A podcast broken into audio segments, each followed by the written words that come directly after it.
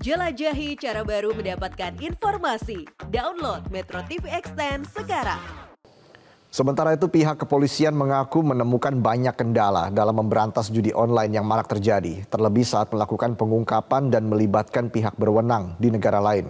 Kepala Biro Pengawas dan Penyidikan Mabes Polri Brigjen Iwan Kurniawan menyebut kendala itu membuat kerjasama polisi Indonesia dengan polisi luar negeri tersendat karena memiliki aturan yang berbeda terkait tindak kejahatan judi online. Udah banyak pelaku-pelaku yang kita proses sampai ke sidang pengadilan. Memang banyak kendala juga ketika kita lakukan penyelidikan dan pembongkaran kasus ini dalam rangka untuk pencegahan juga bahwa ternyata e, banyak server-server ini yang berada di luar negeri, hmm. ya kan?